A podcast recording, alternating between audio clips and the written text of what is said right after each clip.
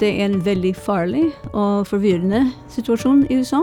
Mer enn halvparten av republikanerne i USA tror fortsatt at demokratene stjal valgseieren fra Donald Trump i 2020. Og også demokratene er i tvil om de kan stole på det politiske systemet. I USA så er det veldig få institusjoner nå at folk fra begge sider har tro på. Og med stadig økende sosiale forskjeller ligger forholdene godt til rette for konspirasjonsteorier. 14% av den voksne amerikanske befolkninga sa ja. Eh, USA styres av en skjult satanisk, eh, barnespisende, sexovergripende eh, elite. Disse tankene har også blitt representert ganske sterke i politiske eliten. Så mange skyttervåpen og så mye hat. En liten incident kan føre til noe stort. Hva er splittelsen og konspirasjonsteoriene i ferd med å gjøre med USA?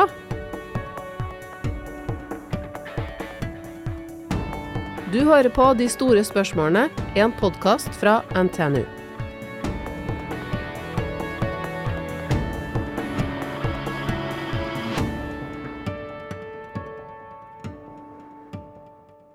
Akkurat nå skal jeg si at det er en veldig farlig og forvirrende situasjon i USA.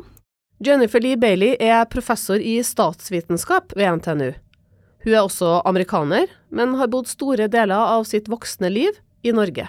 Det er vanskelig når jeg sitter her i Norge og vite det, men alle de tegn jeg ser når, jeg er her, og når jeg ser på meningsmålene, er at USA er dypt splittet.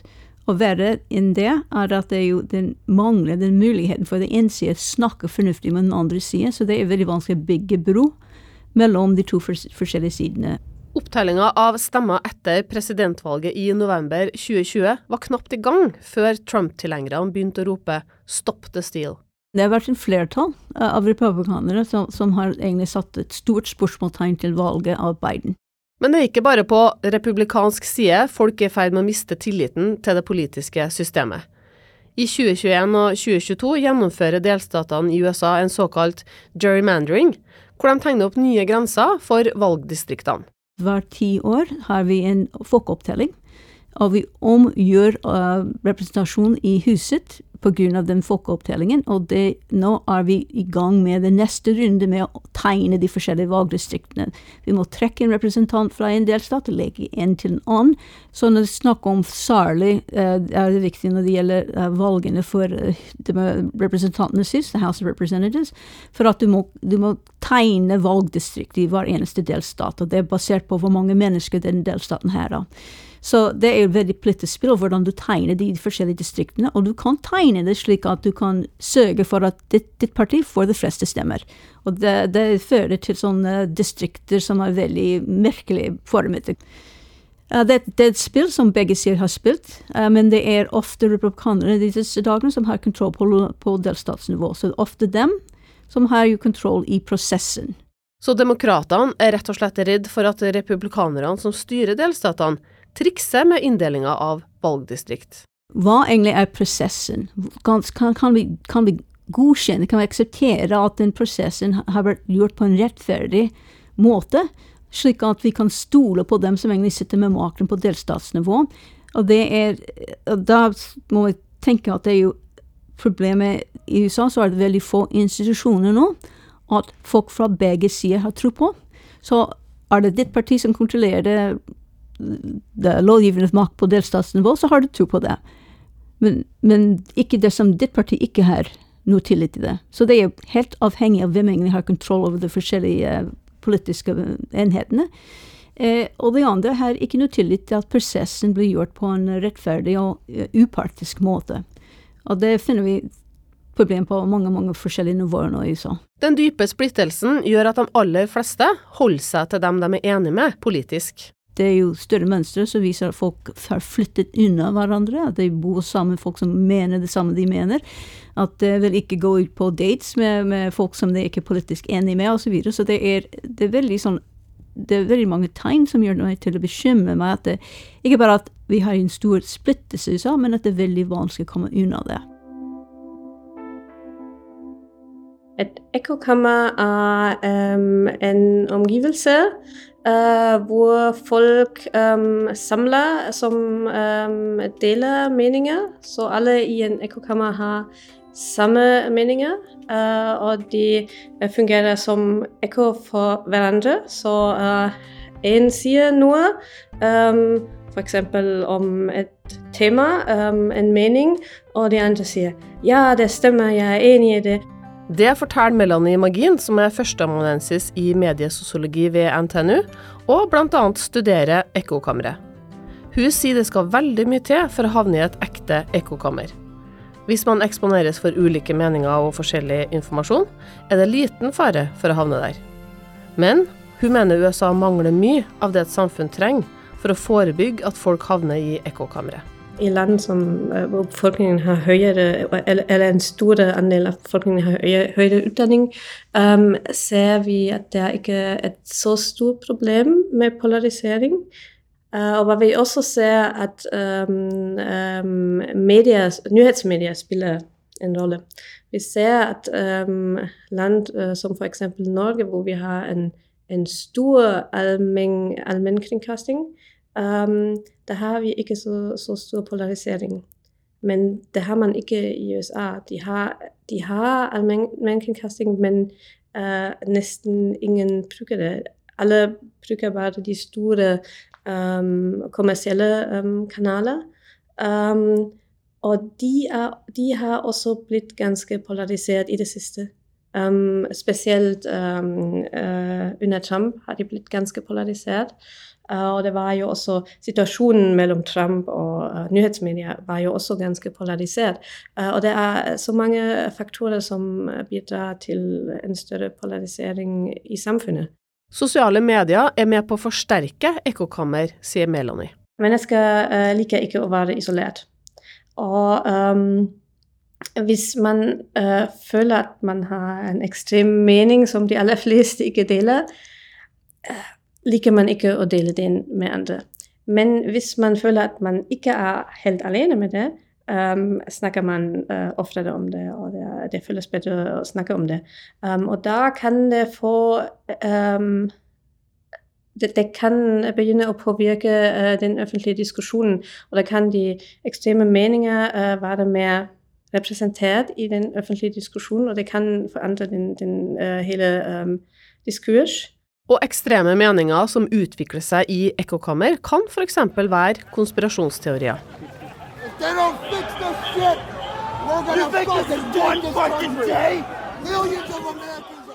Et ekstremt utfall av troen på en konspirasjonsteori er storminga av Kongressen i Washington DC 6.1.2021. Tusenvis av mennesker som var overbevist om at Donald Trump var den egentlige vinneren av presidentvalget, brøyt seg gjennom politisperringene og tok seg inn i kongressbygningen. Men hvem er de her folkene som tror på konspirasjonsteorier? Det riktige svaret på det, det er alle.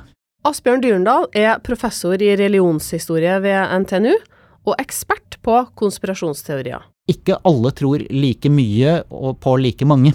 Sånn at vi, vi er alle tilbøyelige til å tro litt på konspirasjonsteorier som passer med eh, ting eh, vi ellers tror, og som passer med vår sosiale identitet og personlighet, oppfatning av verden og sånne ting. Eh, men da gjerne uten at vi er bevisst på at det er det vi tenker på, fordi vi tenker på konspirasjonsteorier som noe litt dumt og litt rart, og dermed så gjelder jo ikke det oss. Nei, det er ikke mange her hjemme som identifiserer seg med de rabiate kongressstormerne i USA. Men vi er likevel sårbare for andre typer konspirasjonsteorier, sier Asbjørn Dyrendal. I Norge eh, klimaendringskonspirasjonsteorier. Eh, det er massevis av mennesker som ikke befinner seg verken på, i noen sånn ytterfløy, som syns at det er litt ubehagelig å, å, å, å tenke på å ta inn over seg. og det, det, sånn, det kan ikke være så ille. Altså det er et eller annet med hvor mye det koster å eh, eh, tro på ting som er eh, stikk i strid med dine egne objektive interesser, eller, og også subjektive interesser, eh, yrkesinteresser.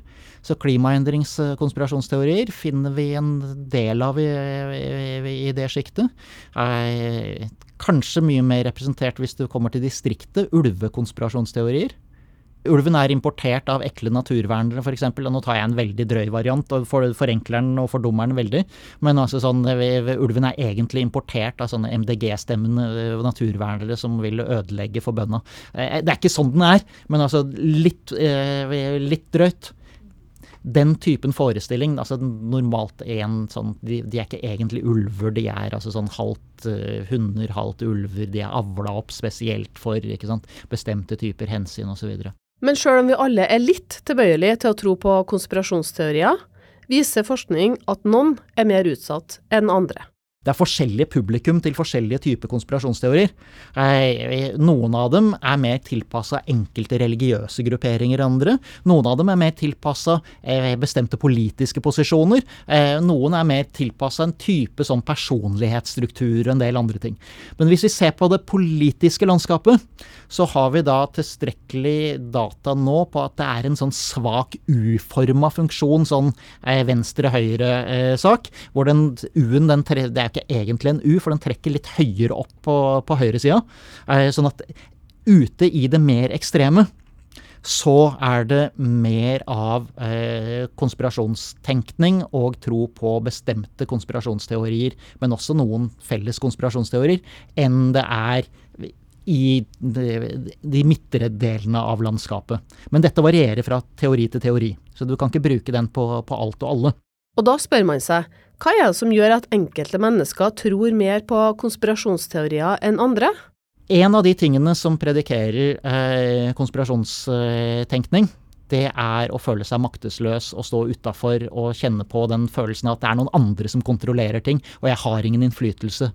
Og det som kjennetegner ekstremistbevegelser, er jo da gjerne at eh, i sånn noenlunde fungerende samfunn, som stort sett er der vi får statistikk fra, så, eh, så er det da sånn at de gjerne er litt lenger vekt fra, fra makta. Eh, og føler mer på den typen ting. Sånn at det i seg sjøl er med på å bestemme eh, tilslutning til konspirasjonstenkning i den sammenhengen. Det er med på å drive konspirasjonstenkninga. Men i tillegg så har vi ideologiske faktorer. Det er en grunn til at eh, de er eh, ekstreme. og konspirasjonsteorier passer bedre inn i bestemte ideologiske tenkesett enn i andre. Og det er jo da gjerne noen sånne sider ved konspirasjonsteorier som eh, vi ikke alltid snakker så mye om, men som sånn eh, veldig eh, oss-dem-tenkning.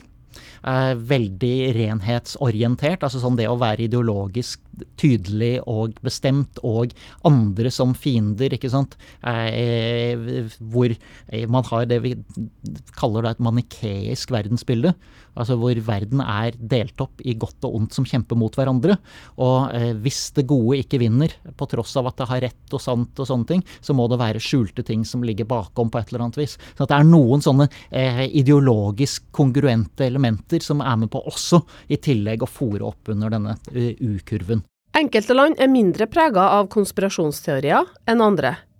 Asbjørn Dyrendal sier det er flere ting et samfunn kan gjøre for å forebygge konspirasjonstenkning veldig mye eh, handler om, altså sånn i store sammenhenger, om følelsen av maktesløshet og mangel på innflytelse og mangel på gjennomsiktighet og mangel på forståelse for hva det er som foregår, så er jo noe av det man kan gjøre, det er jo å gjøre mer for at folk føler at samfunnet har en viss struktur, at det er en viss rettferdighet. At eh, folk faktisk må betale for seg på, på, ulike måter, selv om de har makt og penger og de andre typene ting, som er en av de tingene som er driver av, av mistillit. At institusjoner faktisk må fikse ting sjæl eh, og, og, rette opp ting, og at man får innsikt i hvordan beslutninger tas. Så det er kanskje det viktigste i, i de sammenhengene. Det er hvilke ting man gjør for å demokratisere og eh, skape større likhet og eh, større eh, forståelse av rimeligheten i ting. Så eh, går vi ned på eh, Altså vi kan gå på organisasjonsnivå. Transparens, viktig. Samme der. Eh, eh, jo mer hemmelighold, jo mer som sier nei, det kan jeg ikke si for jeg har taushetsplikt. Jo, jo, flere beslutninger folk ikke forstår, jo mindre tillit internt i organisasjonene, jo flere konspirasjonsrykter eh, foregår internt i organisasjonene, jo vanskeligere er det å, få noen ting til. Problemet i USA, fra mitt perspektiv, var også at um, disse um, tankene har også blitt representert ganske sterke i politiske eliten. Sier mediesosiolog Melanie Magin. Det er noen politikere som også um, har tro på konspirasjonsteorier. Og hvis du har um, offentlige personer, politikerne, som sier um, uh, f.eks. Um, uh, vaksine uh, mot covid er ikke bra, er det enklere for, for folk som har, uh, å ha tro i det. Så um, uh, det har også å gjøre med det. Så hvis, hvis i Norge uh, en politiker sier offentlig at han tror, har tro i konspirasjonsteorier, er det litt rart, ikke sant? men i USA skjer det egentlig nesten hver dag hovedrådgiverne til presidenten, f.eks. Paul Manafort, uh, som egentlig har støttet opp, egentlig vært med på rallies for QAnon og sagt at uh, han er med og har tro på dem. Og det er jo skremmende, for at han, dem gjør det legitimt å ta dem i, i, i lyset. Jennifer Leave Bailey var, som de fleste andre, overraska da Donald Trump ble nominert til presidentkandidat i 2016. Så det var jo et klart tegn til at det var mange som var misfornøyde. Og Thomas Seltzer hadde et veldig bra TV-program hvor han viste frem og snakket med folk, og hvite amerikanere f.eks. særlig, om hva de var misfornøyde med. Og det er ikke bestandig at det var veldig klare og logiske ting, men det er klart at uh, det er mye som var misfornøyde, hadde jo sterke følelser og følte seg utenfor og oversett osv. Og, så og da Trump kom på banen, kunne folk se i han det de ønska å se, sier Jennifer. For at det, det, er vanskelig å vite hva han egentlig hadde å si. For når du sitter og leser uh, hans tale, så er det ja, ikke, kan vi bare si, ikke sånn logisk oppfylt, ikke sant? Men, men du, kan, du, kan, få ut det sånn, du, du, får fra hva han sier sånn, du fyller inn fyller setningen med det du ønsker, ikke sant? Eller du, du ser det, det han sier, det du ønsker å se. Så har han og han er kritisert av folk som er som egentlig tenker at han ikke er logisk, han snakker så dumt og bla, bla, bla. Men når du føler at du egentlig er ikke sett vert på av folk som som, eh, og du føler selv at du blir kritisert for at du har ikke utdanning, og du, ikke, du kan ikke uttale deg bra, og du har ikke riktige ord, osv. Så så du ser på kritikken at er folk som er lanserer imot Trump, og så sier jeg ja, men han er som meg. De, kritiserer ham for ting som, er, som egentlig jeg skulle fått kritikk for. Så du føler liksom at når vi angriper Trump, føler de angrepet selv. Trump er ute av Det hvite hus, men ifølge nettstedet Politico er han allerede i ferd med å bygge opp en ny kampanje for å stille som presidentkandidat i 2024. I 2022 er det mellomvalg, hvor amerikanerne skal stemme over hvem som skal sitte i Senatet og i Representantenes hus. Det som å se etter, er hvem egentlig vinner i de forskjellige lokalene. Er det de kandidatene som Trump støtter, eller er det som mer vanlig, altså hva vi pleier å tenke på, mer, som mer vanlige republikanere som, som vinner? Så vi får en sans for hvilken retning partiet tar med det valget som kommer. Asbjørn Dyrendal sier det er lang tradisjon for å tro på konspirasjonsteorier i USA.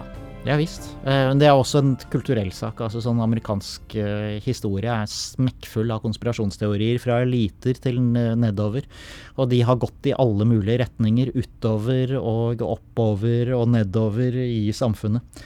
Så eh, om det ikke var franskmenn og briter som sammensverget seg mot den ferske republikken, så var det kanskje potensialet for slaveopprør eller andre interne fiender som eh, ville ødelegge dem ved nettopp å frigjøre ja, osv. Så, videre. så det er en lang, lang, lang historie. Uh, i, i, USA, sånn at en del av kulturen og den politiske kulturen uh, over uh, flere hundre år. Men han har en følelse av at det har skrudd seg til de siste årene. Ja det er, jeg er tilbøyelig til å mene at det ser verre ut akkurat nå. Jeg må nok innrømme det. La oss gå tilbake igjen til dette med, med QAnon. Den, det var nylig en stor undersøkelse, veldig god undersøkelse, som undersøkte den, de tre typene uh, ting som mange forbinder med QAnon, helt spesifikt. 14% av den voksne amerikanske befolkninga sa ja til alle de tre teoriene. Eh, ja, eh, USA styres av en, eh, og verden mer sånn generelt, av en skjult satanisk barnespisende, sexovergripende elite. Det kommer snart en storm, og vi må så bakom den. Altså sånn, Vi må faktisk gjøre dette. er på tide å gjøre dette, med, og eventuelt med våpen i hånd. Det er 14% av den amerikanske befolkninga var enige i dette generelt. De tre tingene. Det er fryktelig mange mennesker. Og selv om du da ikke skal gå rundt og, og løpe og kalle dette QAnon, så, så er det, det faktisk noe som burde få det til å gå kaldt nedover ryggen på noen og enhver. I don't know. Det er jo et uh, veldig farlig situasjon, syns jeg. For å ha et fungerende samfunn må man ha noen ting man er enige om, sier Jennifer Lee Bailey. Politisk sett så må du ha en situasjon hvor de fleste kan akseptere at den andre siden f.eks. vinner valget. At de mener at ok, vi har tapt denne gangen, men neste gang uh, vi, kan, vi, kan, snakke med folk, og neste gang muligens vinner vi, og så kan vi egentlig ha egen politikk. Men når du ikke engang aksepterer at andre siden vinner, uh, at du kan ikke akseptere at andre siden er legitimt, uh, er ikke sånn livsfarlig at de skal sitte i, i, ha makten og sånt, så, så er det veldig vanskelig å ha et fungerende land, et fungerende demokrati. Jennifer er bekymra for hva som kan skje i verden hvis USA svikter som demokratisk forbilde. Jeg skal ikke si at USA har ikke noe problem. Eller har sånn bestandig vært verdens beste eksempel for demokrati. Men jeg hadde tro på at USA forbedret seg og på riktig veien. Eh, men akkurat nå så er demokrati eh, under press overalt. Og at er, dersom USA skulle bryte sammen som et demokratisk land, så er det ingen stor land som egentlig jo, tar for seg demokrati som prosjekt. Og et stort land med feil, med jo, som ikke er perfekt, da. Men, men, det er bedre å ha et stort land som egentlig støtter demokrati, enn å ha de fleste stormakter som ikke er demokratiske. Så jeg tror at det kan være litt farlig å tenke på Nato og fremtiden med Nato for det som f.eks. er. for det. Så jeg tror det kan påvirke verden eh, stort. Det som vi sa, kan ikke sies å være demokratisk lenger. Og vi er på kanten av det.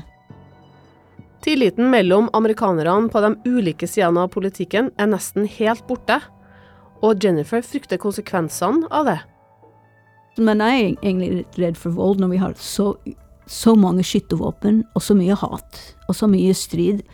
En liten incident kan føre til noe stort. Jeg, jeg er ikke redd for det.